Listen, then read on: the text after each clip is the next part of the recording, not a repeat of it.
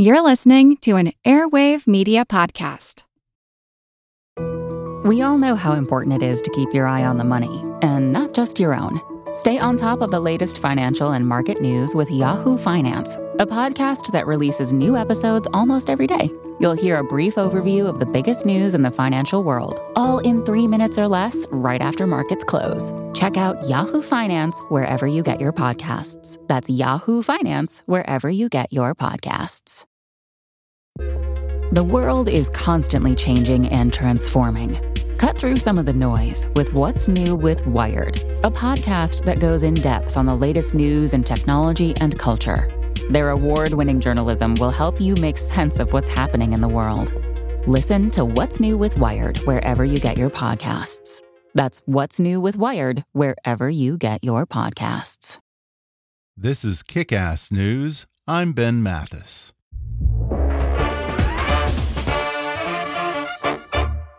Human Rights Watch is an independent, nonprofit organization known for their accurate fact finding, impartial reporting, and targeted advocacy. In partnership with local activists and human rights groups, they expose the truth in order to defend the rights of all and bring those responsible to justice.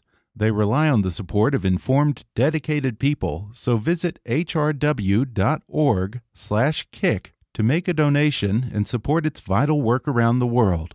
Your donation will be matched dollar for dollar until 2019. hrw.org/kick. And now, enjoy the podcast. Hi, I'm Ben Mathis. Welcome to Kick Ass News. Ever wary of monarchs and autocrats, America's founding fathers, in their infinite wisdom, created fixed presidential terms of four years to limit executive power and give voters regular opportunities to remove their leaders. Even so, Americans have often resorted to more drastic paths to disempower the chief executive. Indeed, the American presidency has seen it all, from rejecting a sitting president's renomination bid and undermining their authority in office, to the more drastic methods of impeachment and, most brutal of all, assassination. Now, at a time when many in Washington are calling for the impeachment of President Donald J. Trump, or even the use of the 25th Amendment to declare him mentally unfit to hold office, it's useful to revisit the colorful political history of the schemes, plots, maneuvers, and conspiracies that have attempted, successfully or not, to remove unwanted presidents. That's the subject of a new book by previous guest of the show, David Priess, called How to Get Rid of a President History's Guide to Removing Unpopular, Unable, or Unfit Chief Executives. In his previous book, The President's Book of Secrets, this former CIA analyst wrote about the president's daily brief and how the commanders in chief consume intelligence information as an example of presidents behaving well. But he says his new book, How to Get Rid of a President, is about presidents behaving badly. And today, David returns to the podcast to talk about why he's writing this book now and whether he thinks President Trump might be a candidate for removal from office. He discusses the various presidents who've died in office, both of natural and unnatural causes, including two presidents who some suspect might have actually been poisoned. He goes into the history of presidential assassinations, including why the assassination of Abraham Lincoln probably could have been prevented, and a bizarre conspiracy by a cabal of wealthy businessmen to remove President Franklin Roosevelt by force. Then he explains the 25th Amendment, which allows for the President's cabinet and Congress to declare a leader physically or mentally unfit to serve, as well as the two presidents who played instrumental roles in crafting it and the closest we've ever come to using it. David walks me through the surprising history of presidential mental illness and why some of Richard Nixon's closest advisers questioned whether he was mentally stable. And speaking of Nixon, of course, we talk about the process of presidential impeachment, including when presidential lies rise to the level of a high crime or misdemeanor, and whether he thinks Congress could realistically impeach President Trump.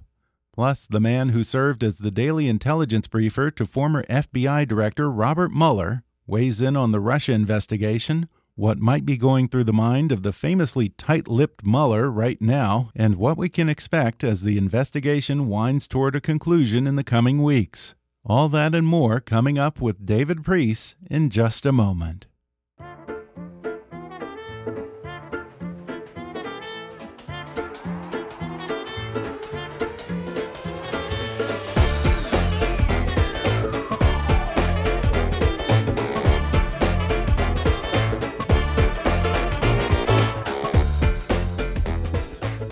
David Priess has a PhD in political science from Duke University and served at the CIA during the presidencies of Bill Clinton and George W. Bush as an intelligence officer, manager, and daily intelligence briefer, and at the State Department. He's the author of The President's Book of Secrets The Untold Story of Intelligence Briefings to America's Presidents. And his latest book is How to Get Rid of a President History's Guide to Removing Unpopular, Unable, and Unfit Chief Executives. David, welcome back to the podcast. It is a pleasure to be back. Thanks, Ben. Well, boy, with a title like that, How to Get Rid of a President, I have to ask have you gotten a visit from the Secret Service yet? No, I think if the title were How to Get Rid of This President, it might go in that direction. But even then, this isn't a book about advocacy. It's not suggesting yeah anything in particular, and it's certainly not suggesting one of the methods of removal which is abhorrent in any situation, which is what sometimes comes to mind with that title, which is taking the president out by force. Yeah. And this is an interesting choice for a follow up book to the President's Book of Secrets. As someone who's spent his life in intelligence, at first glance, it might seem a little out of your wheelhouse. What interested you in how presidents are removed from office? The first book that we talked about before, The President's Book of Secrets, was really a story about presidents behaving well, presidents receiving intelligence, right. using it to inform their decisions, and generally doing that the way that we would expect.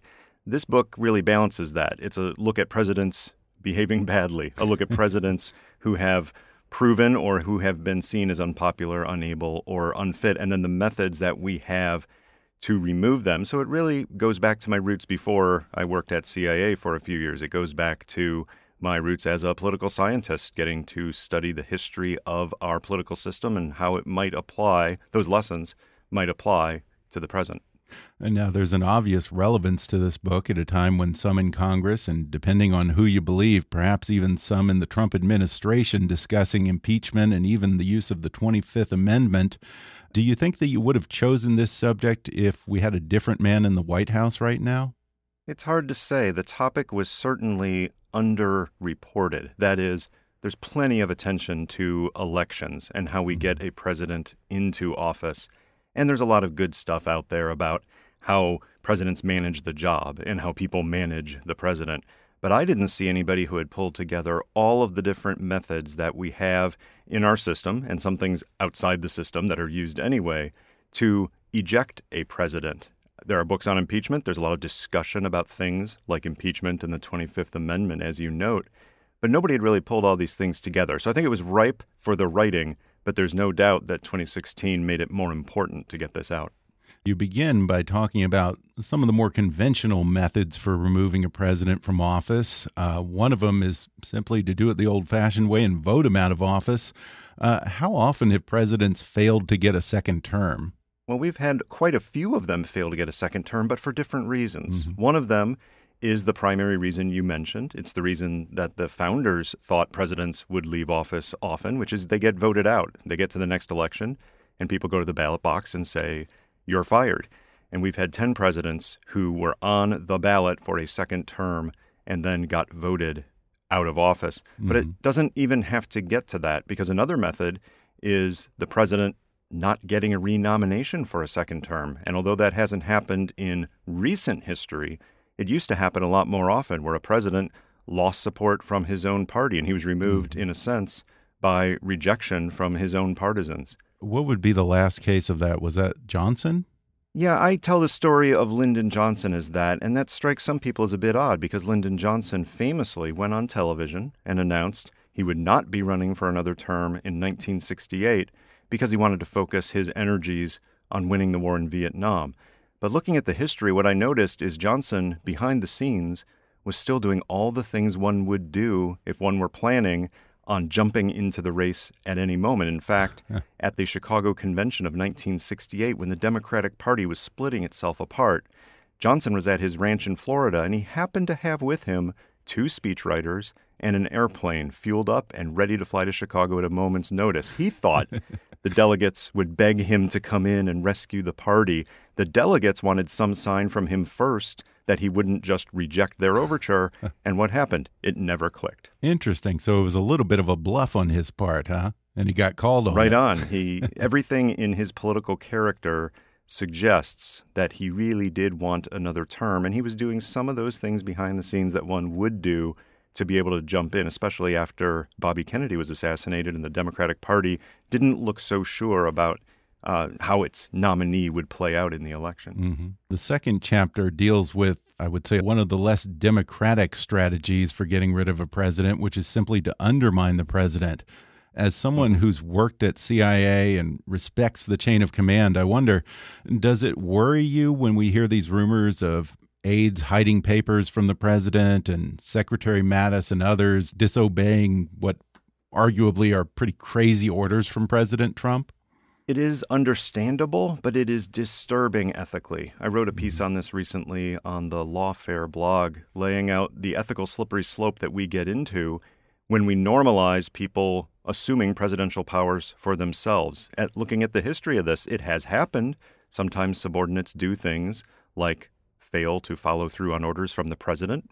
Richard Nixon's chief of staff, H.R. Haldeman, was famous for this. He simply issued his own pocket vetoes to things so that they did not get enacted. Henry Kissinger did some of the same. And then in the last, what, eight weeks or so, we've seen two different reports about this. One was anonymous, writing in the New York Times that he or she was part of a secret cabal undermining the president and resisting his worst impulses. And then we, of course, had Bob Woodward in fear writing about people, in some cases, literally taking papers off of the president's desk that were there for signature so that he would not take a certain policy step. The problem with that is they weren't elected. The president was. And once you break the norm of the president being able to make policy and have it faithfully executed, that makes it harder for every president in the future who's going to mm-hmm. rely on that norm. Certainly, it sets a very dangerous precedent, regardless of what you think of Donald Trump. Another chapter deals with presidential deaths. Uh, how many presidents have died in office of natural causes, or, or at least, let's say, died by means other than assassination? Yeah, we've had several. It started with William Henry Harrison, somebody that we really don't know much about today, Yeah. in part For good because reason. he only was in office for 31 days. Yeah. Uh, and I think that is probably why he's most famous, is because he's famous for Yeah. not being famous. Um, but we've had several others die in office, like Zachary Taylor, through what I would call natural means, uh, Mm-hmm. Franklin Delano Roosevelt being the most recent.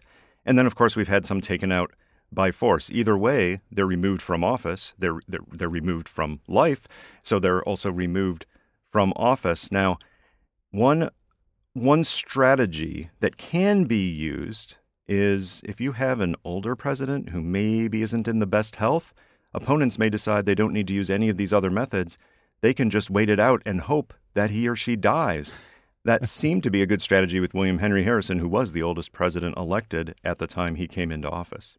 Yeah, and kind of the popular story with him is that he's known for two things. You know, the shortest term in office and giving the longest mm-hmm. inaugural speech. And supposedly he gave this long inaugural speech in the middle of the pouring rain, and then he later succumbed to pneumonia. Is that too Right. simplistic a read on what happened to Harrison? It probably is because, you know, most of our mothers told us if you don't wear a hat in the cold, windy weather, you're going to get sick. But sickness isn't caused by cold weather. Right. It probably was a germ, but he almost certainly was in a weakened condition. And it didn't help him that he had gone on for hours in that cold, windy day right after he was inaugurated. Mm-hmm. And some have also called into question the sudden deaths of Zachary Taylor and Warren Harding later on, suggesting that they might have been poisoned. Have there been any forensic investigation into how these two died? And if so, what did they reveal? For Zachary Taylor, who was president in the middle of the 18th century, there was some question about was he a victim of, I think, arsenic poisoning. Right. And they went back and they did some tissue samples a few years ago, which is remarkable if you think about it, but the technology was good enough that it would have been able to detect the latent levels of arsenic that would have been necessary for, for that poison to be in his system. And they found it was not. They found that despite the theory, there was no evidence to back it up. With Warren Harding, he was a man who was extremely unhealthy anyway. But nevertheless, one author wrote that he thought that Harding's wife did him in because she was the last one with him, and he did have a habit of cheating on her a Right. lot. And maybe she wasn't too happy with him and thought that he'd be better off dead. I did not find any firm evidence for that. In fact, the person who put that theory forward had some other credibility issues. So probably we have not had a poisoned president. Okay. The most famous presidential assassination is, of course, easily that of Abraham Lincoln. And it's all the more tragic because it probably, I think, could have been prevented. It's not like it was the first attempt. They had fair warning. And you detail a number of the attempted assassinations that preceded Ford's Theater. Talk about some of those near misses. That's right. Both with Lincoln and some of his predecessors, there were plots that came very close to removing presidents by force. One of the early ones was Andrew Jackson, and most well, certainly I right. didn't know the full story, but somebody walked right up to him at the Capitol building with two loaded pistols, and both of them failed to fire. But that's one that seemed like a more likely assassination than some of the ones that yeah. actually happened. And he probably wished they hadn't tried that too, huh? yeah, Andrew Jackson was not someone who suffered insults lightly, and I would certainly think that he would interpret somebody shooting two guns at him as an insult. So he quickly took his cane and was proceeding to beat the person up when other people intervened. You didn't want to cross Andrew yeah. Jackson in person. Abraham Lincoln, a much nicer guy than Jackson, certainly, but he had assassination attempts on him even before he was inaugurated as president. Uh, one of the stories in the book is how Abraham Lincoln actually had to smuggle himself through Baltimore so that when he could get to his inauguration, he would not be killed along the way in a plot uncovered by a detective that was helping Lincoln. Yeah, and I was surprised that the president with the most attempted assassinations or assassination threats was actually FDR. Was he really that hated, or was it simply that he was just the mm-hmm. longest serving president, so there was more opportunity? It's a function of both of those and one other thing. First, yes, he was in office for, well, he started his fourth term. He didn't get very far in it, but he was in office longer than any other president. He also brought out a lot of energy. Some of his programs, the New Deal in, in particular, were very controversial, and he brought out some of the haters. But the third factor is that FDR was president during some very trying times. The Great Depression was one. The Second World War was another, and both of these were challenging times. In fact, one of the stories I write about in the book is FDR and a possible attack on him when he was at a summit meeting with Winston Churchill and Joseph Stalin. A story would have changed history dramatically if those three leaders would have been taken out during yeah. one of their meetings. Yeah, and you also bring up this supposed cabal of businessmen who plotted to kidnap FDR, and I guess they were going to reinstall him as their puppet or something like that. Was there any truth to that? You know, it's a convoluted story, and there's a lot of different interpretations of it. Historians are mixed on whether this was an actual plot or not. Available evidence suggests that there was something going on, that there were some businessmen upset with what they saw as a turn towards socialism in the New Deal program, and they wanted to install at least a very right wing government behind Roosevelt, and some said almost a Nazi sympathizer government instead of Franklin Roosevelt. It didn't get very far, and the investigations into it at the time did not lead to any prosecutions, so it's still up in the air how severe it mm-hmm. was. We're going to take a quick break, and then I'll be back with more with David Priess when we come back in just a moment.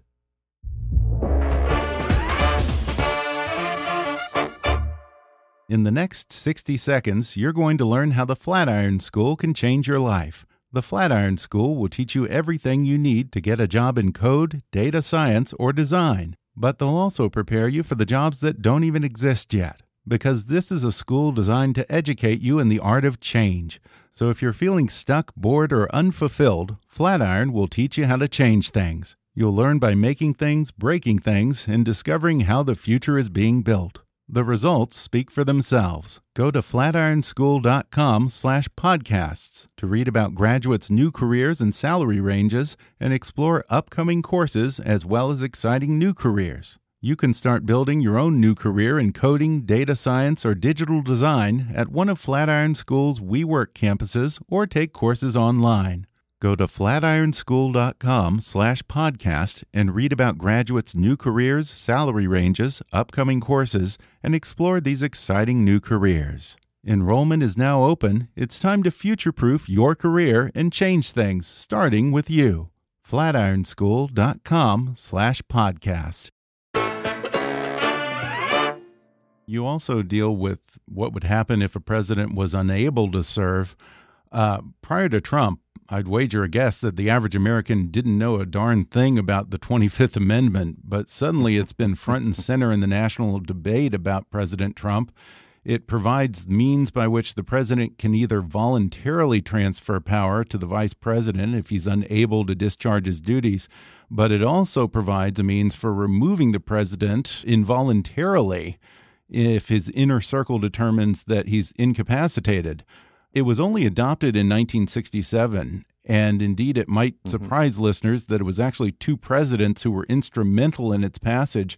Uh, talk about what Eisenhower and Johnson did to call for this change and what led them sure. to call for we it. We had many cases. Yeah, we'd had many cases before then of presidential disabilities, but the Constitution didn't provide a specific mechanism by which power could be transferred. So it never happened. The president just continued being president even when unable to perform the duties of the office. The main case in the book is the case of Woodrow Wilson, who was incapacitated by a stroke, but nobody did anything. They just carried on and hoped it wouldn't happen again. Dwight Eisenhower had three severe health crises during his presidency, and some of them took him out for many weeks. So he came to an arrangement with his vice president, Richard Nixon, by which Nixon could say, well, the president's not able to do his job, so I will temporarily take power. But that was a letter written between them, and it did not have the force and the power of the Constitution behind it. But that isn't what triggered the 25th Amendment. What actually triggered the 25th Amendment was the assassination of John F. Kennedy, because if that shot to the head had been slightly different and Kennedy had gone into a coma instead of dying nearly instantly, what would have happened? People would have said, well, the vice president clearly needs to become president, but what's the mechanism for that? The 25th Amendment creates that mechanism by which the president can declare a temporary transfer of power and then take it back, or by which the president can be forcibly removed by the vice president agreeing with the majority of the cabinet or some other body that Congress designates. And since then, several presidents have invoked Article 3, correct? That's right. Ronald Reagan, when he had a surgery, and it's interesting, I talked to Fred Fielding for the book, who was the counsel for Ronald Reagan, and he said that Ronald Reagan specifically wanted to transfer power to the vice president when he was being put under for surgery, but he did not want to bind the hands of his successors to have to do that in all such cases. So he crafted a letter which was bizarre, which said, I'm transferring power to the vice president, basically saying the same language as the 25th Amendment, but then saying, and I do not think this is an application of the 25th Amendment. He was very clearly trying to keep his example from becoming a required practice, but it did break the mm-hmm. ice. And that's why George W. Bush had no problem transferring power temporarily to Dick Cheney a couple of times in his presidency when he was put under. And even in the case of Reagan, it was still a little chaotic and convoluted because I don't know if these are true, but the the legend goes that there was kind of this power struggle where Al Haig, the Secretary of State, thought that he was in charge while President Reagan was under and supposedly might have almost launched a nuclear war. but yeah, this is a that case when uh, Reagan had an assassination attempt against him and he was in the hospital, that is a case when the power should have been transferred to the mm-hmm. vice president, but it was not. And the people involved, now in retrospect, often say, yeah, that's kind of what we have the 25th Amendment for, and we blew it. Mm-hmm. We did not invoke the 25th Amendment, and if something had happened, it would have been dicey because you did have a situation where the vice president was flying back from Texas. You had people at the White House not sure exactly who was in charge. The press conference announcing it was a debacle, and all of that could have gone even worse.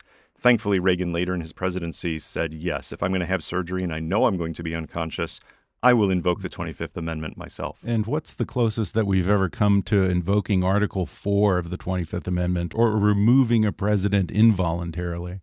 We have not yet had what, Ben, I would call a close call. Okay. We haven't had a case where the papers were drafted and they were going to deliver them to the leaders of the Senate and the House to implement it and just held back. We, we haven't gotten there yet. And I think that's because it's a really difficult thing to do. Think about it. The Vice President of the United States has to say, against the President's will, you are incapable of doing your job. Now, that is understandable if it is a coma. Let's say that the president is completely unconscious, cannot be woken up, then it would be relatively easy and understandable for the vice president to invoke Section 4 of the 25th Amendment. Short of that, any time that the president may be showing erratic decision making, maybe not acting in a normal way, anytime the vice president would go in and say, Sir, I think you're acting just weird enough that I'm going to take power from you, there's no way that can't look like a coup. And most vice presidents aren't willing to take that political hit to do it, even if they think there is some kind of a disability affecting the president. And I suppose the closest that we ever came to that was Richard Nixon. And you talk about in the book how he was drinking heavily toward the end and would sometimes be paranoid and erratic the later it got into the day. How mm -hmm. concerned were people about his mental state in those days? Some people around him were very concerned, including family members, because he seemed at times unable to do what we would generally call the duties of the presidency. In one case, Henry Kissinger, the national security advisor and secretary of state, had to take a letter from the Soviet leader during a Middle East crisis and respond to it in the president's name because they decided not to even wake up the president because he was probably drunk. Now, what they didn't do is invoke the 25th Amendment, even though it was applicable at the time. There's nothing on record that shows they were, again, going down Pennsylvania Avenue to deliver that letter that would invoke the amendment. Interesting. And it doesn't just apply to Nixon. Mental incapacitation and particularly depression were pretty common among U.S. presidents. You cite a study that said that 25% of U.S. presidents may have suffered from some form of mental illness and often depression. That's a high number. Were the reasons for their yeah, depression unique to each president, or are there certain aspects of the job that make a person susceptible to it? Oh, I think it's mm-hmm. both. Mm. And, and you're right. That was a disturbing factoid that I found. And those were actual psychologists and, and doctors making that assessment by looking at the historical record, using available files to make the same kind of diagnosis that they would in the modern day. And sure enough, uh, overwhelmingly, they said the, the majority of those 25% were victims of severe depression. And we had some of our presidents that are not as well known, like Franklin Pierce, who suffered from dramatic depression at a time while in office. But I also tell the story in the book of Abraham Lincoln, one of our better presidents, who suffered from crippling depression at various points in his life and even while in the White House due to the loss of his son and due to the events of the Civil War. The White House can be a dark and lonely place, but it can be even darker and lonelier when you've got something like a civil war and the death of your son. In Lincoln's case, however, instead of it debilitating him, somehow it drove him to greater heights. It, it drove some of that legendary compassion and empathy that Lincoln was able to channel that into. So not every case of a even perhaps a clinically diagnosed depression would need to be a case of transfer of power if they had had the 25th Amendment then. And some in Congress, and as we discussed, perhaps even in the administration, have questioned Donald mm -hmm. Trump's mental fitness to hold office. From what you've seen, is that a realistic option? It is very difficult to imagine uh, issues of judgment and issues of even radical policy being the basis for mm-hmm. a declaration of disability. Uh, number one, the people have voted, and the people knew they were voting for a mercurial president who had a different temperament than most of his mm-hmm. predecessors. Mm-hmm. So there's there's that. People knew what they were getting into at the ballot box. Number two, the 25th Amendment, the declaration of a disability, was never meant to be a policy correction. It was meant to deal with a president who literally could not do the duties of the office. The only scenario I can imagine where something like that could happen is if the, the president starts issuing decrees that are literally gibberish, that make no sense. Not that they're bad policy, not that they go against decades of American internationalism or things like that, but things that, you know, start declaring chickens Secretary of State or something that is a clear indication of some kind of mental illness. Uh, we haven't seen that. Now, we don't know what's going on inside the corridors of the White House, but even some of the information that's come out through reporting doesn't seem to indicate that he has no grip on reality. He perceives reality perhaps different than all of his predecessors, and maybe he doesn't care as much about reality as he does about his gut instinct. But we haven't seen any reporting pointing to the fact that he has a defined, definitive, serious mental mm. illness. Now, the one that's being discussed a lot these days is the possibility of impeachment. Um, this right. one's always been a bit of a mystery to me because while the reasons for impeachment are fairly specifically limited to, I think, three possibilities, those possibilities tend to be vague. Even treason can be viewed rather vaguely, and certainly high crimes and misdemeanors is something that not not a lot of people today are very familiar with, and it's hard to define. Uh, walk us through the the justifications for impeachment. Sure. The Constitution only gives those three reasons: treason, bribery, and the amorphous high crimes and misdemeanors. Treason, at least, is defined in the mm-hmm. Constitution, mm -hmm. and it makes it a very high bar for somebody trying to remove the president to do because it requires a condition of aiding an enemy, meaning wartime, and something that seems archaic now, but it requires witnesses. And that's just a hard thing to imagine in most contexts. The second method, bribery, is a little more straightforward. If there's actual evidence of the president taking a bag of money for a particular policy or possibly paying for somebody to do something, bribery can go both ways uh, that could be considered an impeachable offense. High crimes and misdemeanors, that's a little rougher, Ben, because it's not really well defined now, and it wasn't well defined yeah. then. What we know about it is what we've learned from what the founders did not put in the Constitution. They did not put in the word maladministration, which was considered basically good governance gone wrong, because they didn't want the Congress holding votes of no confidence on the president. They settled on high crimes and misdemeanors, which the best things we can figure out about that are, first of all, that they wanted to leave it flexible enough for future generations to apply it, so they did not simply name every possible crime and misdemeanor. We also know that the founding generation was not shy about amending the Constitution when they felt that it needed it. There were, I think, 13 amendments in the first 12 years or so after the founding of the country. If they thought high crimes and misdemeanors was so bad they really botched it, they would have had the opportunity and they showed themselves willing to amend the Constitution, and they didn't. So they must have been happy enough with that flexibility that it provides. Yeah, it's something of an archaic term. Where does that term high crimes and misdemeanors go back to? Well, I looked at some of the legal scholarship on this, and I am not a legal scholar myself, but having looked at it and talked to some constitutional experts, it appears that it builds on some English law traditions. And in that sense, the word high, modifying crimes and misdemeanors, means matters of state. That is, you can have a crime or a misdemeanor when president, but that is not necessarily an impeachable offense if it does not affect the fabric of government. And this is the argument that was used in the Bill Clinton impeachment trial. He was impeached, that is, the House of Representatives voted to essentially indict him. But when the trial was held in the Senate, people said, okay, yes, he may have perjured himself. Uh, he may have tampered with witnesses. Th- those are bad, but it was not to undermine the institutions of the United States. He did that in order to protect a personal affair, and that did not seem to many people who were voting like the meaning of a high crime or misdemeanor. And this is very relevant because we're dealing with a president who is famous for taking liberties with the truth. Um, Mm -hmm. When do presidential lies rise to the level of high crime and misdemeanor? Does it have to be something that was done in office? Can does it, does it have to somehow relate to his position? Uh, for instance, covering up the Stormy Daniels affair, and if campaign funds were used to do that, or if there was an in-kind contribution, uh, how how, do, how does that all mm -hmm. play into something like that? There are two two parts to that. One part is the legal part, and one part is the political part. On the legal part, we don't know. There, there is no settled application mm-hmm. of right. this. In theory, if the House impeaches and they call something a high crime and misdemeanor, and the Senate removes for that article of impeachment, the president is gone. There is no appeal.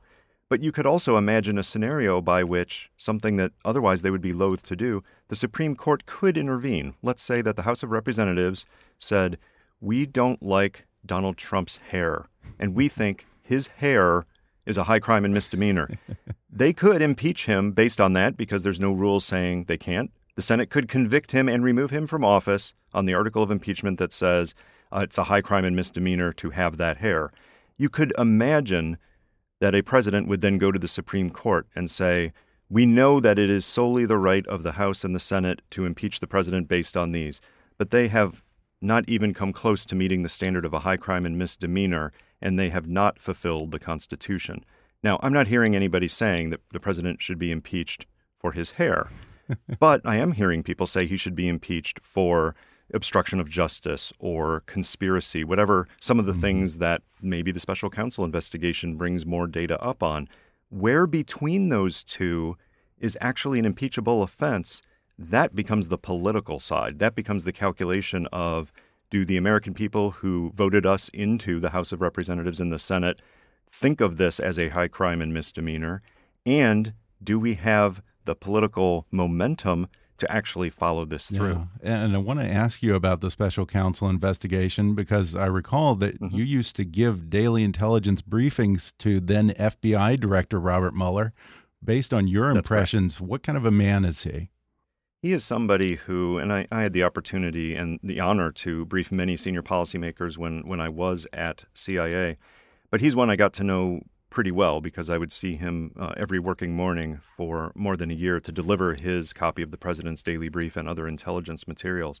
And of all the, the, the wonderful public servants that I had the chance to to brief and hopefully help inform with intelligence, he's at the top of the list in terms of somebody who could process both the strategic implications of the intelligence and dig down on the tactical part of the intelligence, often in the same sentence. I would brief him on some very complicated stories, often having to do with terrorism overseas. And he could both immediately drill down and ask questions that related to that particular case, and then sometimes in the same breath tie that in to a larger story that we had briefed maybe weeks earlier.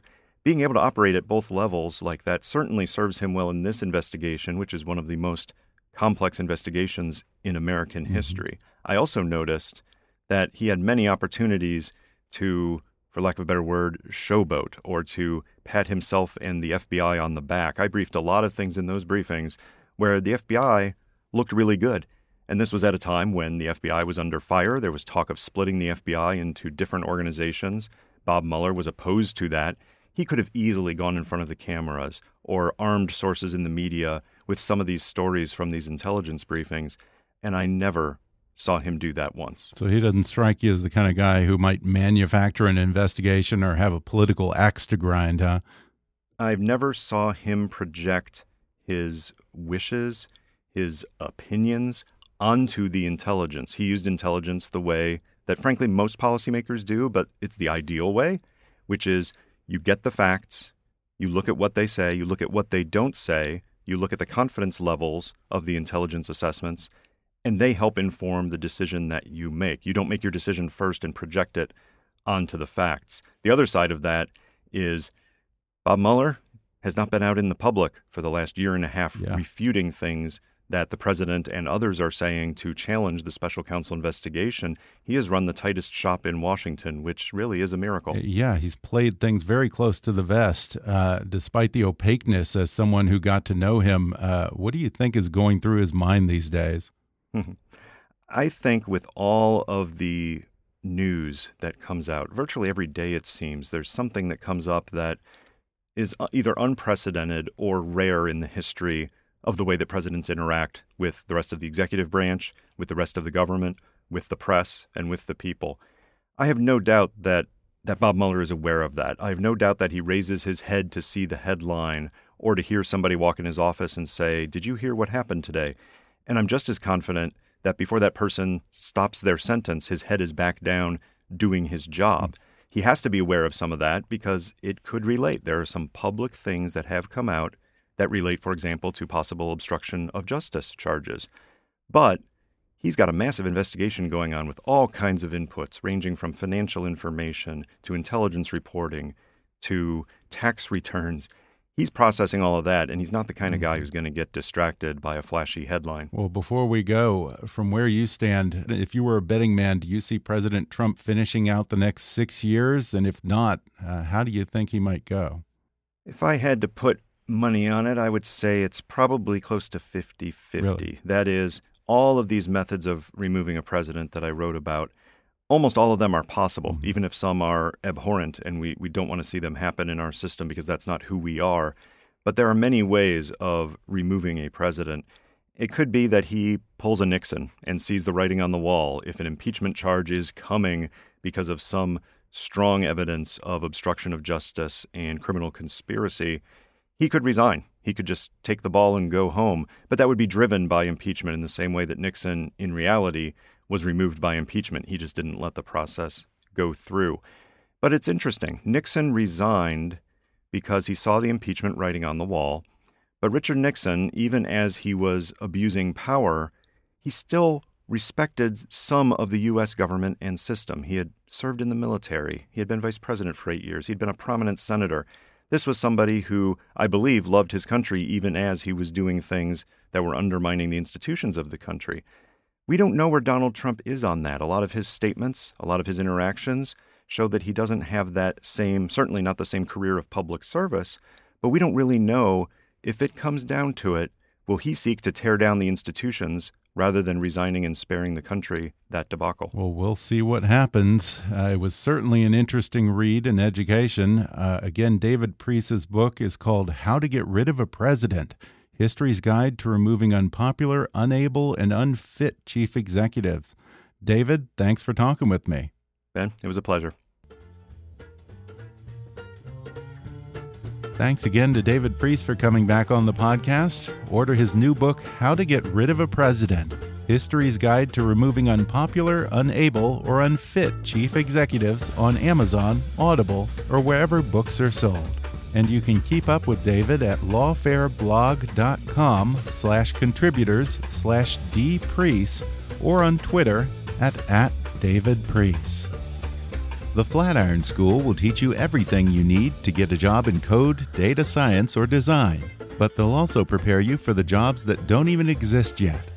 Go to flatironschool.com slash podcast and read about graduates' new careers, salary ranges, upcoming courses, and explore these exciting new careers. You can start building your own career in coding, data science, or digital design at one of Flatiron's local WeWork campuses, or you can take courses online go to flatironschool.com slash podcast, read the reviews, and sign up for a free intro course. Enrollment is open now. If you haven't already, be sure to subscribe to Kickass News on iTunes and leave us a review. You can follow us on Facebook or on Twitter at, at KickassNewsPod. And as always, I welcome your comments, questions, and ideas at comments at kickassnews.com. I'm Ben Mathis, and thanks for listening to Kick Ass News.